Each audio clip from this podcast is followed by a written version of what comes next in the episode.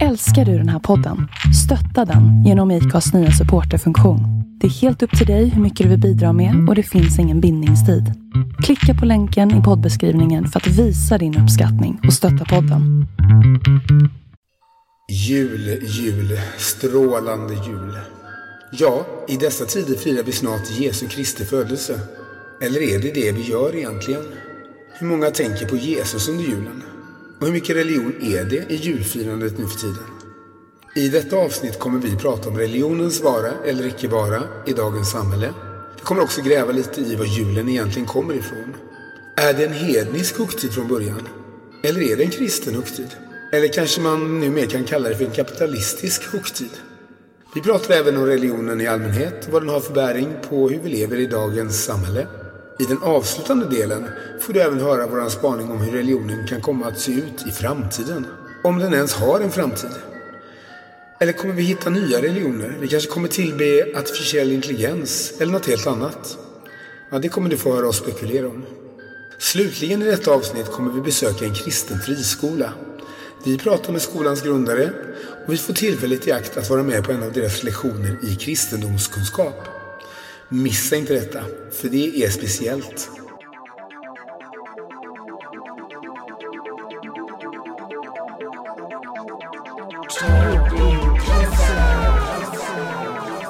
En podcast inspelad i en garderob någonstans i Stockholm.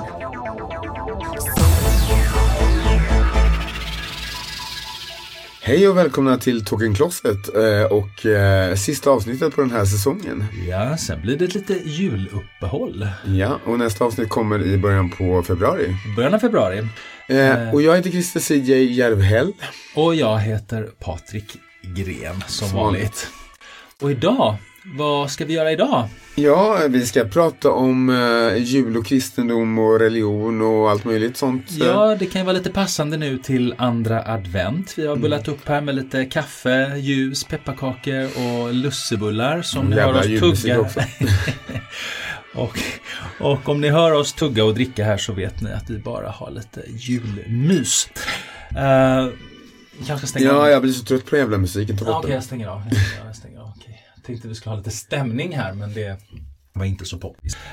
Varför firar vi jul? Ja, varför firar vi jul? Det är väl egentligen för att fira Jesu födelse. Och vi har alla hört historien om Jesusbarnet som föds i en krubba i Betlehem.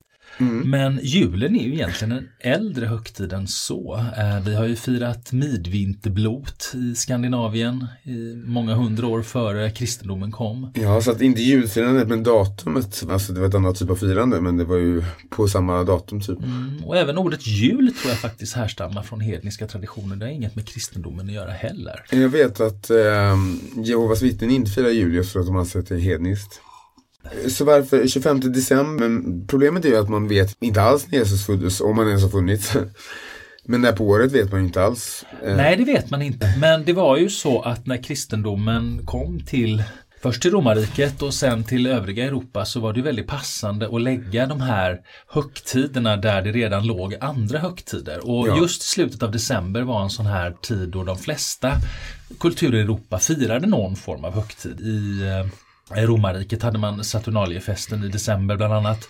Men också Mitraskulten som var en annan känd persisk kult som var väldigt populär bland militärer och Eh, så. Och den firades på exakt samma datum? Den firades den 25 december för det sägs ha varit Mitras födelsedag också. Eh, och även Mitrastemplet låg faktiskt ungefär där, där Vatikanstaten ligger idag. Så att eh, det var praktiskt för, den, för kyrkan att lägga högtiden där. Och detsamma gäller ju här i Skandinavien.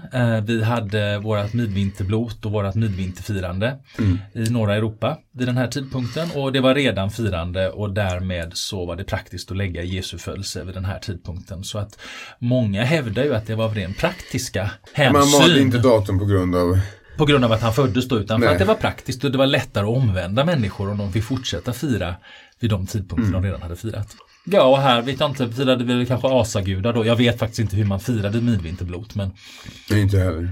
Men det var ju ändå ljusets återkomst. Ja, precis. Och det kan vi ju se i andra traditioner också som Lucia och så som också har en äldre tradition innan de här eh, helgonen kom att man firar på något sätt ljusets återkomst i en mörk tid. Man firar att solen kommer tillbaks igen, att det vänder så att säga. Och det gäller egentligen inte bara datum utan något som jag upptäckt mer och mer på sista tiden är ju att många av myterna som finns i kristendomen som jag trodde var exklusiva för kristendomen fanns i massa andra religioner innan också som eh, jungfrufödsel, återuppståndelse. Ja, bland annat i Mitraskulten. Ja, han var väl jungfrufödd. Ja, och lite andra. Och många av, av de här ritualerna som tas i katolska kyrkan har också tagits från Mitras.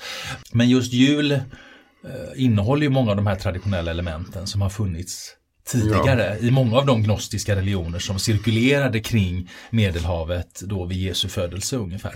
Om han nu har fötts, om han har funnits, det vet man inte heller. Eh, och sen finns det frågor om just hur vi firar jul. Jag menar, till exempel julgranen, om det har någonting alls med själva kristendomen att göra. Ja, det är en tysk Jag tradition, vet inte men jag vet inte varför riktigt så. Och det är samma som själva jultomten. Ja, nu tog jag på en bulle här. Svälj in den.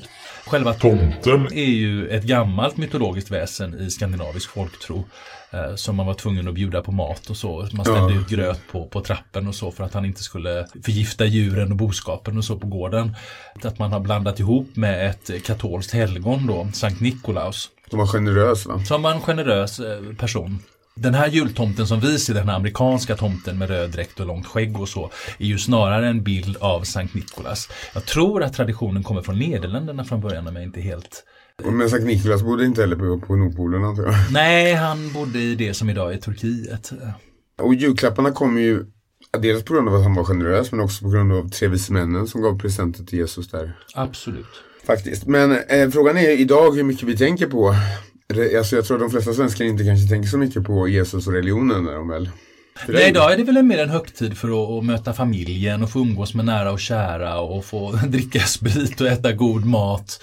Och framförallt för barn tror jag. Det blir väldigt mycket barnfokus på det här. Att barnen ska få en traditionell jul med julklappar och, och, och, och tomtar och pepparkaksgubbar och, eh, julklappar i synnerhet. Det är kommersialism också. Ja, alltså det har blivit väldigt mycket. Det är intressant att det har gått från en kanske mer religiös högtid till en väldigt kommersiellt inriktad högtid. Alltså det handlar ju väldigt mycket om konsumtion. Vi ska äta mycket, vi ska köpa mycket presenter. Ja, och det är inte så ofta man hör prat, folk prata om Jesus nu ska vi tänka på Jesus födelse och liksom vad han gjorde eller så. Nej, det det. Jag hör så. inte det så ofta i varje fall. Förutom kanske i väldigt religiösa kretsar kan det ju Ja, kanske.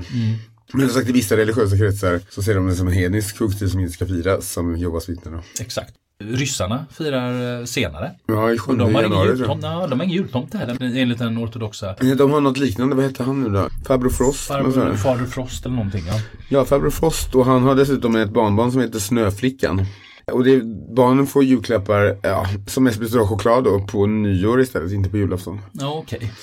Och jag vet även i södra Europa så firade man ju senare från början. Man Ja. har ju flyttat det här nu. Ju mer homogen kulturen blir över hela världen, ju mer blir det så att alla firar samtidigt. Men jag vet att i till exempel Italien firar man Bofana i början av, av eh, januari där man firar en häxa och som ger presenter liksom om barn har Ja, varit snälla och så här. Och så man kan hota barnen när de har varit dumma. Lite som vi gör med tomten. Finns det några snälla barn? Eh, och, och även eh, just 6 januari är ju en stor högtid också, eller varit i varje fall i södra Europa som då de tre vise männen och deras presenter och så här har varit en större fokus på än själva Jesu födelse. Och julen har ju spridit sig till icke-kristna kulturer också. Ja, även om de inte firar på samma sätt. Nej, man, man har mycket julpynt i Japan till exempel. Mm, Japan är väldigt mycket julpynt, men däremot firar man inte med familj och släkt på julafton, det gör man på nyår. Utan där firar man istället med vänner och kanske en dejt. Och annars har vi också kristna minoriteter i stora delar av världen i Ja. Mellanöstern och så som fortfarande firar jul. Så det är ju inte bara en västerländsk tradition men jag skulle vilja säga att den västerländska idén om jultomten och julklappar och det här med pynt och så är någonting som eh, kommer. När jag googlar lite på det här så mycket med pynt återkommer även i icke-kristna regioner där man kanske pyntar lite runt jul i stora städer och så i alla fall. Kina till exempel.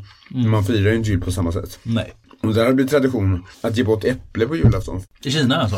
Ja, deras julafton heter någonting med äpple. Oj. Men det är inte någon religion där, det är men det är verkligen inte. Jag vet inte ens hur många, jag gick ju någon gång ibland i kyrkan då på juldagsmorgon. Julottan. Ja, så, det var ju trevligt så, men det, jag vet inte ens hur många som ska säga det idag. Men då var det ju fullt på den tiden. Det var väl den enda gudstjänsten som var fullsmockad. Men det är nog mycket för stämningen. Man vill åt den här julkänslan och kyrkan känns ändå som en plats där man får höra de här klassiska julsalmerna. Och, och jag tror att många går dit för att få, eh, av traditionella skäl, den enda gången man går i kyrkan på hela Ja. året kanske. Så att Men li, jag menar, lite även- koppling till religionen har du ju trots allt. Nej, men även ateister i väst firar jul. Det är inte så att de säger nej, jul, det är en kristen högtid. Nej, nej, alla firar. Så att den har ju en traditionell Ja. ritual, en rituell funktion Ja, snarare. Och det är trevligt att träffa familjen och äta gott och så vidare. Ja, men precis. Kanske inte alla familjer då, men. nästa del kommer vi prata om eh, mer religiöst om vad religionen egentligen har för Ja, mening i dagens samhälle och påverkan på dagens samhälle. finns det, alltså, har kristendomen, för det är främst kristendom vi pratar om här, men har den någon funktion i det moderna samhället? Ja, Utanför de här jultraditionerna. Och sekter som är väldigt religiösa. Mm, och det ska vi besöka nu, en religiös sekt. Precis. En Eh, kristen religiös sekt som heter Leve döden. Leve döden. Vi ska nu göra ett besök hos den kristna kulten, eh, jag menar den kristna organisationen Leve döden, för att få ett perspektiv på deras liv och livsstil. Först ska vi ha en kort intervju med organisationens ledare, Jesus, Ja, jag sa ju det. Jesus heter jag. Organisationens ledare Jesus Jo- Johansson. Johansson. Jesus Johansson.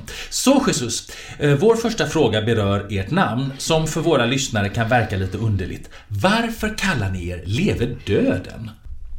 Jo, men det är väl uppenbart. Leve döden. Vi firar döden, att man ska glädjas över döden. Det är genom döden vi kan nå evigt liv tillsammans med vår Herre Jesus. Jaha, okej, så hur känner ni då när någon av era bröder eller systrar i församlingen dör? Sörjer ni inte då? Nej, vi blir jätteglada. Det betyder att personen har kommit upp till himlen och vi prisar Gud för detta. Men ni måste väl ändå känna saknad av att en nära och kär är borta?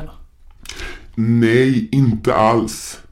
Vi vet ju att vi snart kommer få träffa de kära igen. Jag menar, det här livet spelar ingen roll. Det eviga livet kommer vi fira med dem i all evighet i himlen.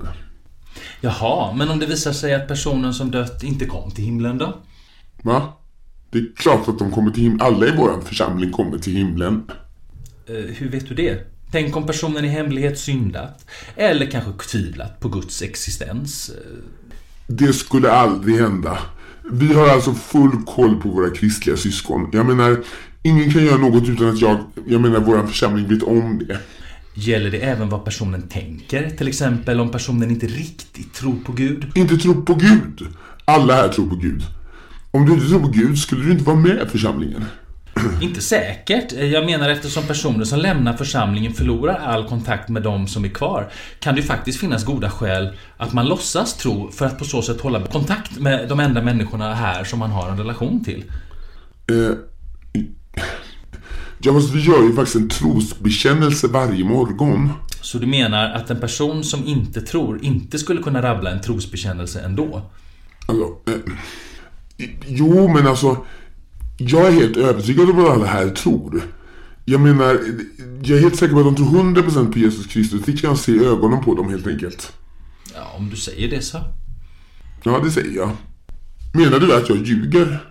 Nej, men du kanske intalar dig själv något som inte är sant för att det är så mycket enklare så. Du, att vara med i våran församling som den enda rätta tolkningen av kristendomen är inte lätt. Det krävs mycket till både kropp och själ för att klara det. Hur menar du då? Ja, det har vi inte tid att gå in på nu. Det är faktiskt ganska komplicerat.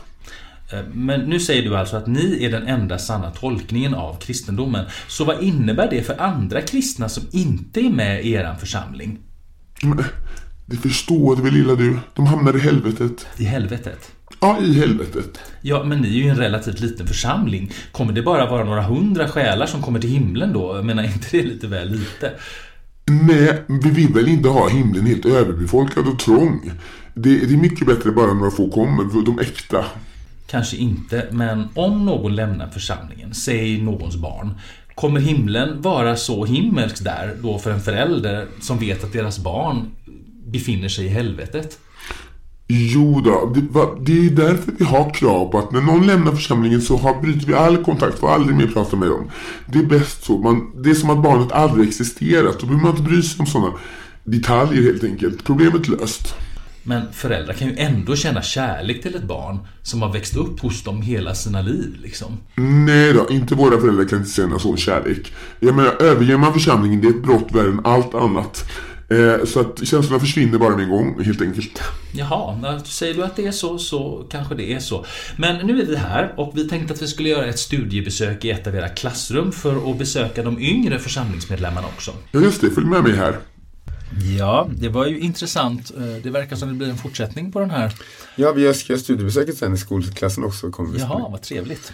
Då har vi något att se fram emot. Men för att återgå till det vi pratade om förut, jul och, och Religion. religion. Vi firar ju jul på grund av den kristna religionen. Men är det så att kristendomen eller religionen, åtminstone i Sverige och i väst, har den någon funktion idag överhuvudtaget? Eh, Och, och i så fall, vilken funktion? Ja, man kan ju helt klart säga att funktionen åtminstone har eh, minskat. Alltså den har inte samma roll längre. Nej, Eh, och nu är Sverige ett av de mest sekulära vad jag förstår samhällena. i världen. Ja, även om väldigt många är med i Svenska kyrkan så just det att folk inte tror så mycket kanske. Eller liksom. Ja, de tror kanske inte på kristendomen i varje fall. Kanske har en personlig tro. Ja, alltså de flesta jag känner för många säger ja, alla är ateister i Sverige, men väldigt många jag känner är ju snarare agnostiker, att de kanske tänker ja det kanske finns något men det är inget som berör mig här i detta livet utan det är inte så jag måste leva efter Bibelns regler. Alltså, det är inte så många som Nej, vi hade en väldigt stark utveckling där med, eh, med new age på 90-talet. Ja. Där mycket österländsk filosofi framförallt flödade in med buddhism och hinduistiska meditation, meditationstekniker och sådana här saker. Man hittade en annan form av religiositet med reinkarnation och även astrologin fick Ja. uppsving. Men det är väl kanske inte så många som tror på det så fanatiskt direkt. Nej, det är ju ingen sammanhållen tro på det Nej, sättet. nej, nej. För att kristendomen har ju ändå haft, åtminstone i Europa, samma funktion som islam har i Mellanöstern, att det blir en slags ett kitt som håller ihop samhället också, alltså större Ja, samhällen, ja. nationer och, och hela kulturer. Eh, Och där kommer vi tillbaks till när vi ska diskutera den israeliska historikern Harari längre fram. Ja, För han pratar mycket om det här och det är väldigt intressant. Men hur kommer det sig egentligen att Europa har blivit så sekulärt? Första upplysningsfilosoferna, franska revolutionen var ju, de tog avstånd från religionen väldigt starkt. Eh, Men sen även under romantiken delvis, jag menar Nietzsche sa att Gud var död. Alltså. Ja. Så, så att det moderna samhället och utvecklingen i det moderna samhället, färre och färre saker kan ju förklaras med Bibeln. Ja, menar, precis. Till exempel sjukdomar, för Bibeln förklarar ju inte att det finns mikroorganismer och att, alltså det, det är snarare att det är häxeri och sådana grejer. Alltså, det står ju ingenting om sådana saker. Det är samma, det står ingenting i Bibeln om universum. Vi har upptäckt mycket saker som inte stämmer överens med Bibeln. precis. Evolution. Alltså. Men det finns också andra saker som, som skiljer till exempel väst från många andra kulturer. Alltså jag vet att många i de här högerforumen eller högerdebattörer pratar ju om judeokristna värderingar till exempel. Men hör det egentligen ihop med det här? Alltså, Nej, alltså jag tycker det är argumentation i ond tro. För att när de säger judeokristna värderingar så pratar de ju mycket om hur väst är idag. Att man respekterar allas rätt till yttrandefrihet, rätt att leva, att man inte torterar människor och så vidare. Även om man gjorde det i USA ett tag. Men det har ju inte med, alltså det gjorde man ju när det var kristna i Europa. Det var ju först med upplysningsidéerna som man började liksom bryta mot religionen. Så att men de här idealen uppstod efter Ja, kristendomen så det är inga typiskt kristna ideal. Alltså, Nej. så de försöker klä på det här som att det var, berodde på kristendomen. Det berodde kanske på kristendomen i den utsträckningen att i kristendomen finns det ändå ett, liksom att stat och tro är separerat någorlunda. För det står i Bibeln i eh, Matteus och Markus evangelierna att ge Caesar, alltså eh, den världsliga makten, vad som är Caesars och ge Gud vad som är Guds. Guds rike är av något annat, inte det här materiella. Liksom. Mm, Så det finns liksom en slags inbyggd eh, Ja, och den förstörelsemekanism Precis. i kristendomen då man delar på just den världsliga makten och den kyrkliga eller eh, vad man säga, Andliga. andliga, Ja. makten. Liksom påven tog hand om själ, själslivet och eh, kungen tog hand om kroppen. Liksom. Utnyttjade kroppen ja, snarare. men precis. eh, och det återkom ju även i eh, protestantismen sen. Om att man, eh, ofta blir ju kungen överhuvud över kyrkan. Ja, men så var det i England och så var det i Sverige också för mig. Ja, precis. Och det kan man ju jämföra då med till exempel de muslimska länderna där traditionellt då eh, andlighet och världslighet var inte separerade och är fortfarande inte det i de här länderna. Nej, man nej. pratar om sharia-lagar och så här att det är just eh, Koranens lagar som ska gälla. Just nu finns det ju ingen, eh, vad jag förstår, kristen teokrati. Men Iran är ju en teokrati kan man ju säga. Ja, Däremot finns det kristna som skulle vilja ha det så faktiskt. De som är mer extrema. Främst i USA vad jag vet. det har blivit en större och större schism mellan liksom hur vi lever och vad folk tycker och vad religionen står för. Speciellt när det gäller katolska kyrkan. Den sprickan har ju vuxit mer. Alltså katolska kyrkan är emot preventivmedel. De är emot aborter, de är emot gayäktenskap. Men de flesta katoliker är inte emot de här sakerna. Nej. Så den sprickan har ju vuxit mer och mer. Det är ju intressant för just i, i, i, i södra Europa, de katolska länderna, så är till exempel nativiteten väldigt, väldigt låg. Det är väldigt få barn. Och det blir också så, det blir ju svårt för kyrkan att förklara någonting och få människor, när folk inte lyssnar. Ja, precis. Och på något sätt har väl katolska kyrkan accepterat att det är så, åtminstone i västländer så, inte i Afrika så mycket. Men det kan ju bli en konflikt på sikt. Och men fundamentalisterna i USA är det ju absolut det. Ja, De försöker hela tiden lägga sig i politiken för sin den mängd personer de är, alltså eh, procent, så har de ju otroligt mycket inflytande på amerikansk politik i jämförelse med och de vill verkligen vidare till ett Ja, de ju- kristet fundamentalistiskt. Absolut. Det finns ju, vad heter det då? Eh, Kristen nationalism heter det ju.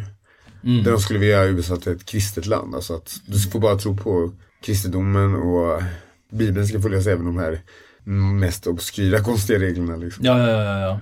Grejen är om man ska följa eh, Bibeln bokstavligen. Dels blir det ett väldigt eh, nästan medeltida samhälle om inte ännu värre. Eh, men sen blir det också det att det är väldigt svårt för att det, Bibeln är mot, motsägelsefull på många ställen också. Ja, ja, den går att tolka hur som helst. Och det kan man ju också se. Eh, Jag vet att jag, jag har, min, min bror brukar säga att demokrati och religion är oförenliga därför att åtminstone i kristendomen, det är väl all religion gäller väl egentligen. Han säger det att i demokratin utgår makten från folket och i religionen utgår makten från Gud. Och makten kan inte utgå från båda samtidigt, du måste välja en. Ja, ja. Och Just det här i Sverige kan vi ju tydligt se att svenska kyrkan har lagt sig platt för demokratin väldigt mycket. Man tolkar Bibeln utifrån demokratiska perspektiv och anpassar sig väldigt mycket till rådande samhälle. Det vill säga att man, man tolkar ut Bibeln så, så att man kan eh, acceptera gayäktenskap och, man, Ja, gayäktenskap kommer jag ihåg att diskussionen var att och även kvinnliga präster till exempel. Ja, men där var diskussionen att Okej, för du kan läsa vissa verser i Bibeln och då är det absolut Förbjudet. Ja, mer än förbjudet, alltså dödsstraff. Men sen kan du också tolka på andra sätt, för Jesus pratar ju inte någonting om det, nämnde inte ens det. Nej. Eh, och han fördömde ju rika människor istället. Alltså det var ju nästan det värsta, att du kunde vara rik var ju inte bra. då kommer du inte till himlen liksom. Men eh, det är ju aldrig något som de fokuserar på, så det är ju tolkning. Då svenska kyrkan sa ju det att kärleksbudskapet i Bibeln är, står över alla andra små eh, så, regler som finns i gamla testamentet och sådana grejer. För men du får inte äta räkor heller, det, är en, det står ju mer om det än om homosexualitet. Det är ju verkligen en förbannelse att äta skaldjur liksom. Och det äter vi glatt en räkmacka men suga kuk får du inte göra.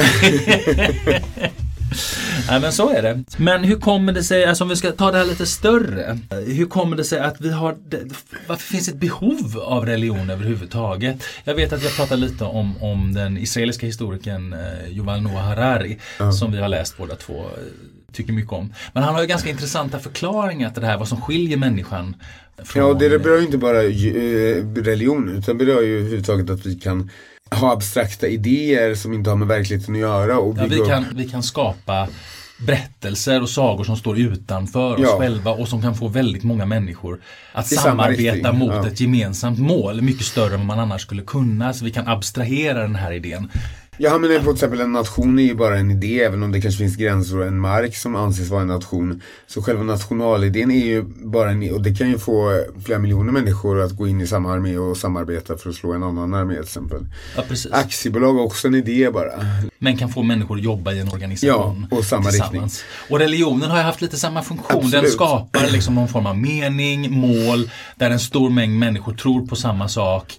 Och kan slåss eller strida eller Ja, för det. det- religiösa krig finns ju också. Och, och det här är ju ganska intressant. Det är det absolut. För du förklarar ju varför det finns. Men jag tror för att fråga, behövs religion? Alltså jag tror att så länge vi dör. Så behöver vi en förklaring. ja, att många människor är rädda. Alltså många människor vill ju ha en, det blir en snuttefilt ändå att ja men jag får träffa min älskade igen när jag kommer till himlen. Alltså att Mm. rädslan för döden är, är också en drivande faktor tror jag. Absolut. Eftersom religionerna säger att du får, kan få liv igen och evigt liv och så vidare. Mm, mm. Så det är flera grejer. Men det konstiga var att, till exempel vad jag förstår judendomen om du går riktigt långt tillbaka. Ja. Så, så trodde de inte på något liv efter detta. Är det så? Ja. Det har kommit in mer och mer allt eftersom. Liksom. Och mest då med, med kristendomen faktiskt. Mm. Ja, det visste jag faktiskt. De var en av de få som vägrade liksom dyrka kejsaren. Det var ju det som gjorde att de blev så förfulla ofta. Ja men precis. Det är väl också, du sa det här med att religioner är antidemokratiska. Ja, de flesta monoteistiska religioner. Det är sant. För då, det finns en gud, en Guds vilja och du måste, alla måste tro och lyda samma. För det finns bara en, du får inga andra ha bredvid liksom.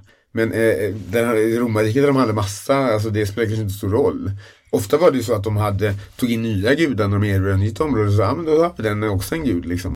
Ja men precis. Ja men Mitra som vi pratade om i Ja. början här var ju faktiskt en persisk gudom Ja, de hade ju massa, först hade de de här romerska gudarna, men de tog in massa gudar allt eftersom. Ja, både Isis-kulten och Mitras-kulten Ja. var väldigt stora kulter i Rom och ingen av dem kommer från Italien, den italiska halvön, Nej. utan den ena kom från Egypten och den andra från Persien. Men det var ju det eftersom de hade många gudar, det var inga problem att ta in en till. Nej. Men däremot, och det hade de gjort med Jehova också antagligen. Men problemet med var att Jehova, de sa att nej men det finns inga andra. Vi kan bara dyrka Jehova. Det var det som gjorde att det blev problem. Det blev ett problem, ja. Och där är islam också väldigt monoteistiskt. Alltså. Ja, det är de. Ja, men alltså islam kommer ju precis som, som kristendomen, det är ju en Abraham, abrahamitisk ja, religion från början. Eh, Så de kom ju ur samma källa, så att säga. De här tre mono, stora monoteistiska religionerna. Men i varje fall, det finns en konflikt här och det, den är ännu mer tydlig i USA där det ändå finns starka religiösa krafter som har mycket politisk makt. Och även i vissa europeiska, Polen är ju lite så faktiskt, är ju katolsk synvinkel. Det är ju de som driver det här hbtq-fientlighet, bland annat eh, katoliker. Alltså, Ja. Men där är också väldiga motsättningar. Det, Ja, ja, men det, det är ju USA också. Det, är- och men jag menar, det är där det skapas konfliktområden som eh, kan bli problematiska även i USA. Alltså där också just för att den här gruppen religiösa ofta tar sig an mer makt än vad de kanske har rätt till rent procentuellt av alltså vilken storlek de är av befolkningen. De har ju Gud på sin sida. Ja men precis. Men om vi, om vi bara går vidare här. ja. Eh, jag tänkte, eftersom då ändå en stor del av Europa och USA är sekulär, för det finns en stor sekulär del också, Ja. kan man prata om andra ideologier som har tagit över från kristendomen, då är det främst här, alltså politiska ideologier till exempel. Ja, alltså Harari skiljer ju inte på det. Han, han menar ju på att kommunismen också var en slags religion eller, och liberalismen också en slags religion. Alltså det ett idésystem som bestämmer hur vi värderar saker. Ja, Och han menar ju på att i och med industrialiseringen och kapitalismen så har själva grundidén i liberalismen tagit över allt, även islam, bara att de inte förstår det. Men det finns Nej. en grundplåt av den idén i allt. Och den, det, det han särskilt trycker på är väl det här att de gamla religionerna var kollektivistiska. Alla skulle inordnas under ett system. Ja. Men i och med kapitalismen och liberalismens eh, genomslag så har individualismen slagit igenom också. Att individen betonas som den yttersta källan till kunskap. Ja. Alltså kunskapen hämtas inte längre utifrån trossystem utan det hämtas inifrån den egna individen. ja, och din inre känsla är det viktigaste på något sätt. Ja precis, du ska självförverkliga dig och du ska följa din egen väg och följa ditt hjärta pratar Harari mycket om att vi ska göra. I, Ja, och eh, att det här har tagit över så mycket är för att kapitalismen har eh, dominerat även Mellanöstern och Kina. Alltså alla länder domineras av kapitalismen för den är starkast. Alltså, ja. För då kan man fråga, men vadå islam? Hur, hur- har det här liberala individualismen genomsyrar islam? Det gör det väl inte kanske man tänker. Men han förklarade så här. Att till exempel om det är någon som må- målar en Muhammed-teckning och de blir arga. När de försöker argumentera för att det här är fel, då, då säger de ju inte På 1200-talet hade de sagt Allah vill inte det, det står här i Koranen, punkt. Men nu argumenterar de mer med att det här sårar våra känslor, min individuella, jag blir ledsen när ni gör så här. ja, det är lite offerkoftan kommer ja, det. Ja, Ja. men det handlar om individens upplevelse. ja, man hänvisar till individen. Nej, först skulle man inte, då skulle man bara man sagt hänvisar till skriften. alla, punkt. Ja, Liksom. vilket en del gör. Men många pratar ju just om att Ja. det här är kränkande för muslimer. Precis. Det blir liksom en kränkande handling. Och då, då har vi landat i ett individualistiskt tänk även där. Och han anser att det är dagens paradigm. Precis.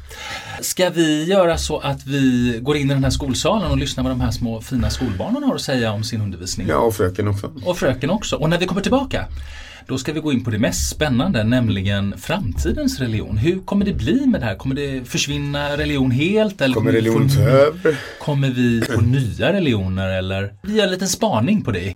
Ja, nu är vi alltså i klassrummet för de yngre barnen hos församlingen Lever Döden.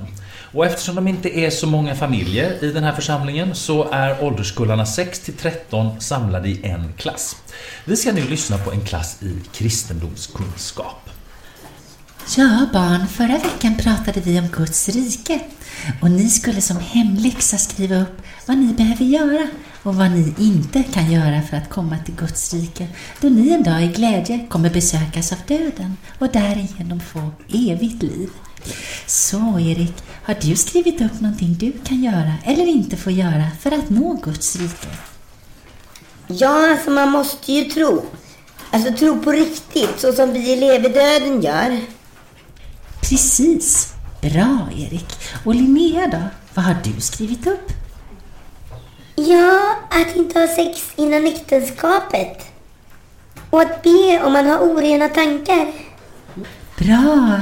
Så det var både exempel på vad man inte får göra och vad man kan göra för att sona om man har dåliga tankar. Ja, fast det gäller väl inte sex med våran prästfader Jesus? Han sa till mig att han är undantagen. Han svarade ju direkt till Gud. Och Gud hade sagt att sex med Jesus alltid var okej eftersom det är viktigt att han mår bra. Alltså Jesus. För han har så viktigt jobb. Så han måste må bra. Men Linnea, skäms på dig. Vi har ju haft det här samtalet flera gånger. Du kommer straffas om du låter din fantasi skena iväg sådär. Och komma med sådana fantasimonster nu när vi har besökare dessutom. Vi får prata om det här privat senare så att du lär dig skilja på sjuka fantasier och verkligheten. Ska, och fader Jesus slå mig nu igen? Linnea! Inte ett ord till från dina läppar som förtrollats av djävulen. Hör du det? Ja. Ja, Maria. Har du en fråga? Jo, min kompis Erika blev påkörd och dog i veckan och hon var inte med i församlingen. Så vad händer med henne? Får jag träffa henne i himmelen? Nej, självklart inte! Helvetet hon torteras av djävulska monster och plågas med eld samtidigt som monstren sliter köttstycken ur hennes nakna kropp och hon är bara ett skelett!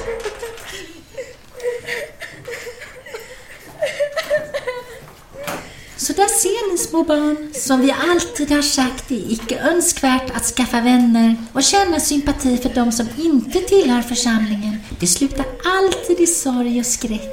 Så låt den fördömda Erikas öde bli en läxa, så slipper ni hamna i Marias situation.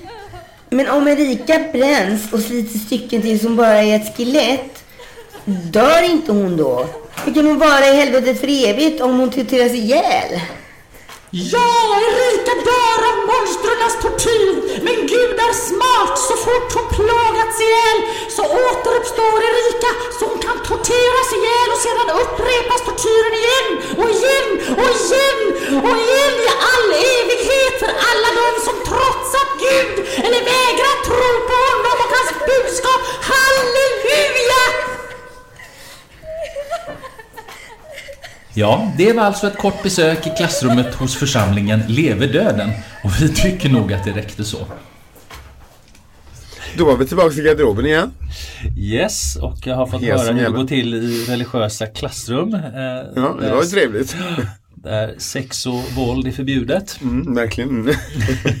Så är det och bullarna är slut här och kaffet är slut och julen är snart eh, slut i garderoben i varje fall. Men avsnittet är inte slut än. Ja, julen är inte slut när det här släpps. Nej, inte vanliga julen, bara, bara Talking Closet-julen.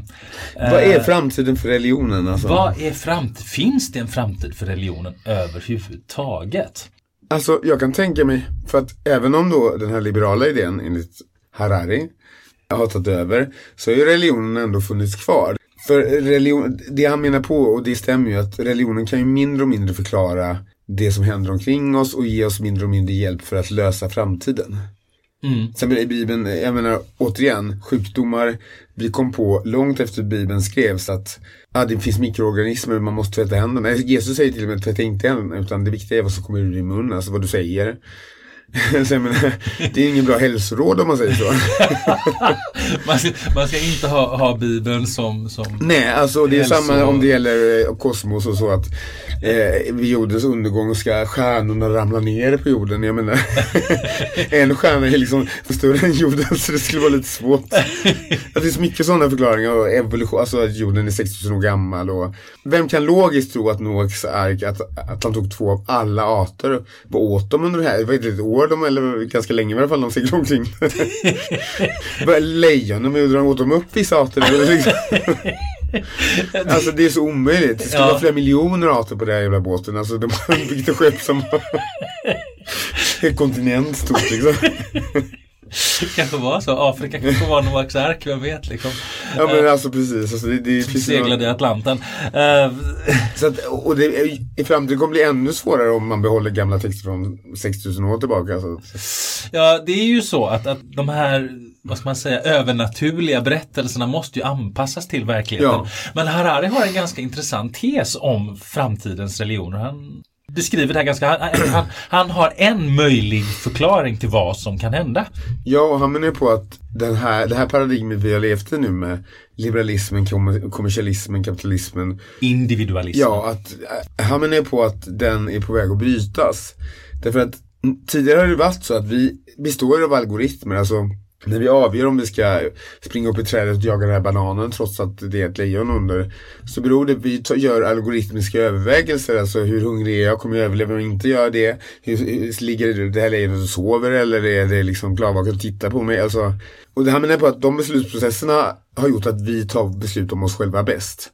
Vi vet mest om oss själva. Ingen annan vet lika mycket om dig. Och det, det är, stämmer väldigt bra med individualismens idé om människan. Ja, att också. vi har ett litet ljus inom oss själva som vet bäst om oss själva. Men han menar ju på att dagens dagens teknologi är på väg att- att överta det här. Att snart vet datorprogram och AI och sådana här saker mer om oss än vad vi själva vet. AI det är alltså artific- Ja. artificiell intelligens. Han tar ett exempel, han är ju själv gay. Men han förstod inte det för han var ganska gammal, 25 år. Ganska gammal, 25. Ja, men att, att inte förstå att man är gay innan dess är ganska gammalt. Och han menar på att med dagens och framtidens teknologi där till exempel en eh, AI kan se var på skärmen du tittar, hur länge du fäster blicken på någonting eller Eh, vad du skriver, vad du söker på, hur länge du stannar på en sida och så vidare. Skulle kanske förstått att han var gay när han var 15, fast han inte själv förstod det. Och kanske då riktat reklam, eh, vältränade män, eh, liksom, till honom. Fast han hade inte själv förstått det. Han menar på att det även är andra saker som gör att de här programmen, till exempel en dejt, du har två partners att välja mellan. Eh, och datorn kan förklara för dig att nej, men du ska välja partner A. För att även fast du kanske känner mer för partner B så vet datorn att du och partner B kommer max vara ihop ett år medan du och partner A kanske lever ett helt liv tillsammans. Och vi märker ju det här lite redan nu om vi tittar på de här stora bolagen, Amazon, Google, som samlar in all den här informationen och Facebook också, Instagram, allihop. Att vi har ju redan börjat se aningen, alltså varje gång jag köper en bok så kommer det under liksom, du kanske är intresserad av de här böckerna Ja, också. precis. På Spotify får jag en lista som där de presenterar musik som jag förmodligen tycker är bra. Och ofta stämmer det ju väldigt bra. Och det här vässas ju hela tiden. Ja. Och den samlar ihop så mycket så att snart kommer ju de här datorprogrammen att kunna ge mig vad jag vill ha innan jag ens vet det själv. Ja, och- och då har vi flyttat över beslutsprocessen från oss själva till någonting annat. Någonting som är större än oss, Ja. utanför oss själva. Då har vi gått Och cirkeln något som vet mer och kan ta dina beslut bättre än du själv kan ta dem. Precis. Det är samma med hälso, eh, jag menar nu när man, du vet bäst om du känner dig sjuk och behöver gå till läkaren. Men i framtiden, det finns ju redan så här eh, Apple Watch och grejer som kan Mäta blodtryck. blodtryck, puls och andra nivåer på kroppen, liksom hur länge du sover och så vidare. Som kan kanske säga långt innan du själv känner dig sjuk att du måste gå till läkaren, du har cancer. Alltså, Ja, och det är också lite, det är lite läskigt samtidigt. Ja precis, man undrar ju vad händer med den fria viljan egentligen då om det helt plötsligt blir datorer och, och algoritmer som bestämmer vad jag ska läsa eller föreslår vad jag ska läsa, väljer åt mig så att säga. Ja men precis. Eh, Men du tog upp något intressant förut när vi pratade om det här utanför, just det här när du sa att välja partner. Att den kanske vet att partner A är bättre för mig. Men jag kanske är stormlöst förälskad i partner B så det är ju inte säkert att jag vill ta det rådet även om kanske partner A är bättre Ja. för mig. Såvida det inte är så att det inte bara är ett råd utan att datorn eh, har Förstått att jag är- Nej men också är den som bestämmer. Att du inte har rätt att välja själv. Ja, då är det en mer dystopisk värld Ja, det är det är det. ganska dystopiskt ändå skulle jag säga. Men det, det kan ju vara så, det vet man inte. Nej, då blir ju de här algoritmerna som nya gudar. Ja, alltså, det, det blir ju en sån form av religion att beslutsprocessen fattas. Precis som man förut gick till en helig bok så är det, blir det då algoritmer som bestämmer åt Så Mark oss. Zuckerberg är fadern och sen är algoritmen sonen. Typ så. Men eh, det här är ju en möjlig utveckling men finns det andra sätt? Skulle till exempel de, de vedertagna religionerna som finns idag, skulle de kunna ta över igen? Kan man se en sån framtid också? Alltså, för han pratar ju också, jag tror han nämner även så här att det kan bli så här Kanske klimat och miljöreligioner av olika slag skulle också kunna upp, dyka upp liksom. Ja, med tanke på hur, vad Ja. som händer nu. Precis, att man börjar dyrka till exempel naturen igen och sådana saker. Problemet är att religioner blir ofta stärkta i krissituationer. Folk, folk, för det första, folk dör oftare och blir rädda och liksom behöver svar på frågor och så vidare. Och behöver syndabockar att skylla på. Ja. Jag menar, det, det finns ju ganska tecken på att det kanske blir ganska mycket katastrofer framöver. Ja, vi har både miljöområdet Ja. här där man har väldigt dystra prognoser för vad som Precis. händer med vår planet. Covid-19, man ser ju hur just konspirationsteorier och konstiga idéer som Qanon och sådana här växer fram och blir starka i sådana här tider. Ja, där ir, irrationella idéer får ta över. Ja. Alltså saker som, trots att det inte finns några belägg alls, så det blir jättemånga som plötsligt tror att det är så. Och det skulle kunna, alltså smarta sådana här eh, religiösa ledare som vill utnyttja katastrofer kan ju börja använda det och kanske ta över igen. Ja. Jag tycker ett fint exempel är ju just tv-serien The Handmaid's Tale. Ja, Där är ju precis. precis en sån sak, alltså att det blir en, det är en form av miljökatastrof. Ja, det. Eh, fertiliteten minskar hos kvinnor, de kan inte få barn och det här gör, skapar krig där då religiösa fundamentalistiska krafter tar över en stor del av USA och återgår till ett fundamentalistiskt religiöst kristet samhälle. Ja, och- det är ju också en möjlig Och gammaldags samhälle, alltså att, för alltså de här miljökatastroferna har gjort också att de bara odlar väldigt eh, och sparsamt och på vissa speciella sätt och sådär, jag förstår Mm. i serien. Och det är en miljökatastrof som gör att de här religiösa får chansen att ta över kan man säga. Precis, och det, så kan det ju också bli. Så det är inte Absolut. säkert att det blir eh, Nej. så. Det finns ju många möjliga, men religionen är absolut inte död på något sätt. Nej, utan den är i allra högsta grad levande. Och Eh. kanske också nödvändig för att vi ska kunna organisera samhället på en väldigt stor nivå som Harari säger. Det fanns en stor tänkare också som pratade om det här långt innan, för USA går ju en allt mer auktoritär och fascistliknande riktning på många sätt. Och han sa ju det att när fascismen kommer till USA så kommer det bära ett, ett kors, ett krucifix och en amerikansk flagga liksom. Det Så det. fascismen använder ju alltid de symbolerna som stämmer för deras egen kultur. Så att bara för att inte folk har nazikors så betyder inte det att det inte är fascism. Nej. Utan man, de anpassar ju sig efter sin egen kulturella liksom, bas. Eh, när vi pratar om det här med jul också tänker jag så här att eh, Trodde du på tomten förresten? Ja, det gjorde jag faktiskt när jag var liten. Fram till jag var 5-6 år. Jag gjorde Du gjorde inte det? Nej, nej. Nej. Min pappa var väldigt duktig på att klä ut sig och prata med annan röst och så. Så att det tog faktiskt lite tid innan jag fattade att Det känns som att jag aldrig trodde på det och riktigt varför vet jag inte men en sak som var uppenbar var ju att för morfar skulle ju alltid då vid en tid på jul plötsligt gå ut och köpa en tidning eller något som ingen gör på den tiden på julafton typ. Och sen då, precis alltid när morfar var borta, då kom tomten. Alltså det var så uppenbart på något sätt. Så att det var påhittat liksom. Men, eh, för det är många artister som säger att tro på tomten, eh, och tro, alltså när de kritiserar religiösa, men tror du på tomten också? Så att Ja, precis som det finns lika med lite bevis för det ena som det andra. Typ. Ja, så är det. Men jag tänker den här religiösa också, ifall det blir så här att eh, algoritmerna styr, det blir ganska intressant med julklappar. Ja, jag tänkte just säga det, underlättar väldigt mycket för föräldrarna. Det består Ja. bara ett färdigpaketerat Algoritmen vet liksom vad barnen, vill ha. eller inte vad de vill ha, men vad de bör få.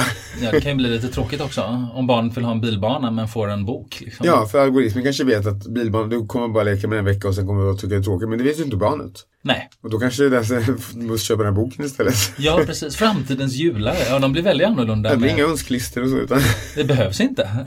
Ingenting behövs. Liksom. gråtande barn liksom. Allting levereras till dörren liksom. Färdigt med julmat. Den vet vad familjen vill äta vid jul också. Ja, precis. Allting, behöver inte tänka själv överhuvudtaget. Nej, men den kan också bestämma att det nyttigaste blir att äta grönkål hela julen.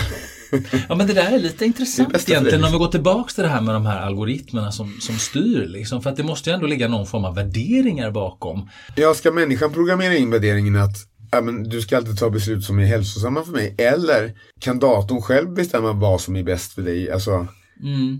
Isaac även grundvärderingen. Liksom. Isaac Asimov skriver en bok som heter Jag är robot. Den Mm. tar ju upp lite den här problematiken att man hade programmerat in vissa värderingar i roboten. Ja, för att den inte skulle liksom, den Skada skulle skada människor. människor och så vidare. Och den, den följer ju de här, för det är ju lagarna som är inskrivna, alltså den ska inte kunna bryta mot det. Och det gör den inte heller, därför den kommer ju fram till att det bästa för människorna är att vi förslavar dem och styr dem så att de inte gör dumheter typ.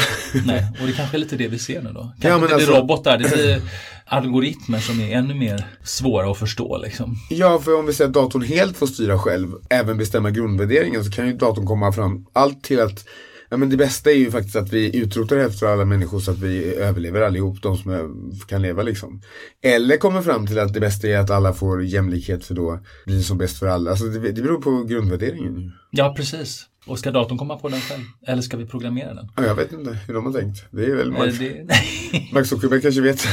Ja, jag vet inte. för det här meta är väl att du ska leva i en artificiell värld typ nästan. Ja, jag tror nästan det. Det är väl det vi tillber i framtiden. Det kanske inte blir jultomten. Det kommer någon som klär ut sig till Jeff Bezos eller någonting. som dyker upp och lämnar över de redan färdigbeställda julklapparna som... Ja, vi får se. Hade vi något mer vi behövde ta i det här eller? Eh, ja, jag tänkte också bara nämna det här med julen. Alltså, jag har ett tråkigt julminne faktiskt. Ett tråkigt julminne? Ja, alltså för jag önskade mig en bil, på tal bilbana. Och den julen när jag önskade mig det, jag önskade mig det väldigt starkt, fast det förstod tydligen inte mina föräldrar. Så låg det massa paket under granen så jag tänkte, jag var ju så helt övertygad att de hade gett mig en bilbana men paketerat olika delar av den här liksom bilarna för sig och så vidare. Så jag, var helt, jag såg ju fram emot det här för det låg under granen flera dagar liksom. Så när äntligen var dags så öppnade jag första paketet med penslar och sen var det målarduk och så visade att mamma hade velat att jag skulle börja måla. Så att till slut var ju, när jag öppnade sista paketet så var jag helt gråtfärdig. Så jag kunde knappt hålla mig liksom. Hon bara, tyckte du om julklappen? Och så ville inte jag vara elak. Så jag bara, sen med tårar, jag bara, ja jättemycket. Ja, hon trodde du grät av lycka. Ja, eller hur. Men hon märkte sen att jag aldrig använde det så tror hon förstod. Du målade aldrig alltså? Nej. Nej, det var en protest tror jag. Ja, var jag har faktiskt inga sådana. Jag har väldigt så här eh, romantiska och härliga minnen av jul när jag var liten. Däremot så, så slutade jag fira jul en lång period när jag blev varför det? vuxen. Jag vet inte. Ingen Norén-jul och så? Ja. Nej, det var ju inte det. Även om mina föräldrar skilde sig sen när jag fick fira jul på varandras. Det kanske var det. Att det blev jobbigt. Jag gillar ju maten och så men vi, jag köper ju nästan inga presenter längre. Och, Ja, jag vill inte ha några heller. Ja, jag har ju så många syskonbarn nu så att jag blir ruinerad varje december. Det blir alltid så att man köper saker som inte används eller som folk egentligen inte det är vill ha. klart att det är så. Så det är otroligt slöseri om vi tänker på miljön. Men det är bra för kapitalismen. Det är bra för konsumtionen. Halleluja. Bra för ekonomin. Vår Precis. tids religion, eller hur? Ja, det kan man ju säga. På, på sätt och vis är det det faktiskt. Ja, det är det. Men eh, vi avslutar. Och nästa gång ska vi prata om någonting som hör ihop med religionen, porr. Ja, exakt. Och förhoppningsvis har vi en gäst då också. Ja. Men det blir efter jul i februari. Och eh, säger som jag alltid säger, följ oss på Instagram, Talking Closet. ja, Facebook. Ja, Och man kan även eh, via podcasten donera eh, om man tycker det här är bra. Ge oss lite pengar så vi har råd att göra fler. Och sen kan man också även swisha. Det står all information i texten. perfekt. Då önskar vi alla en riktigt, riktigt god jul. Och tro på tomten.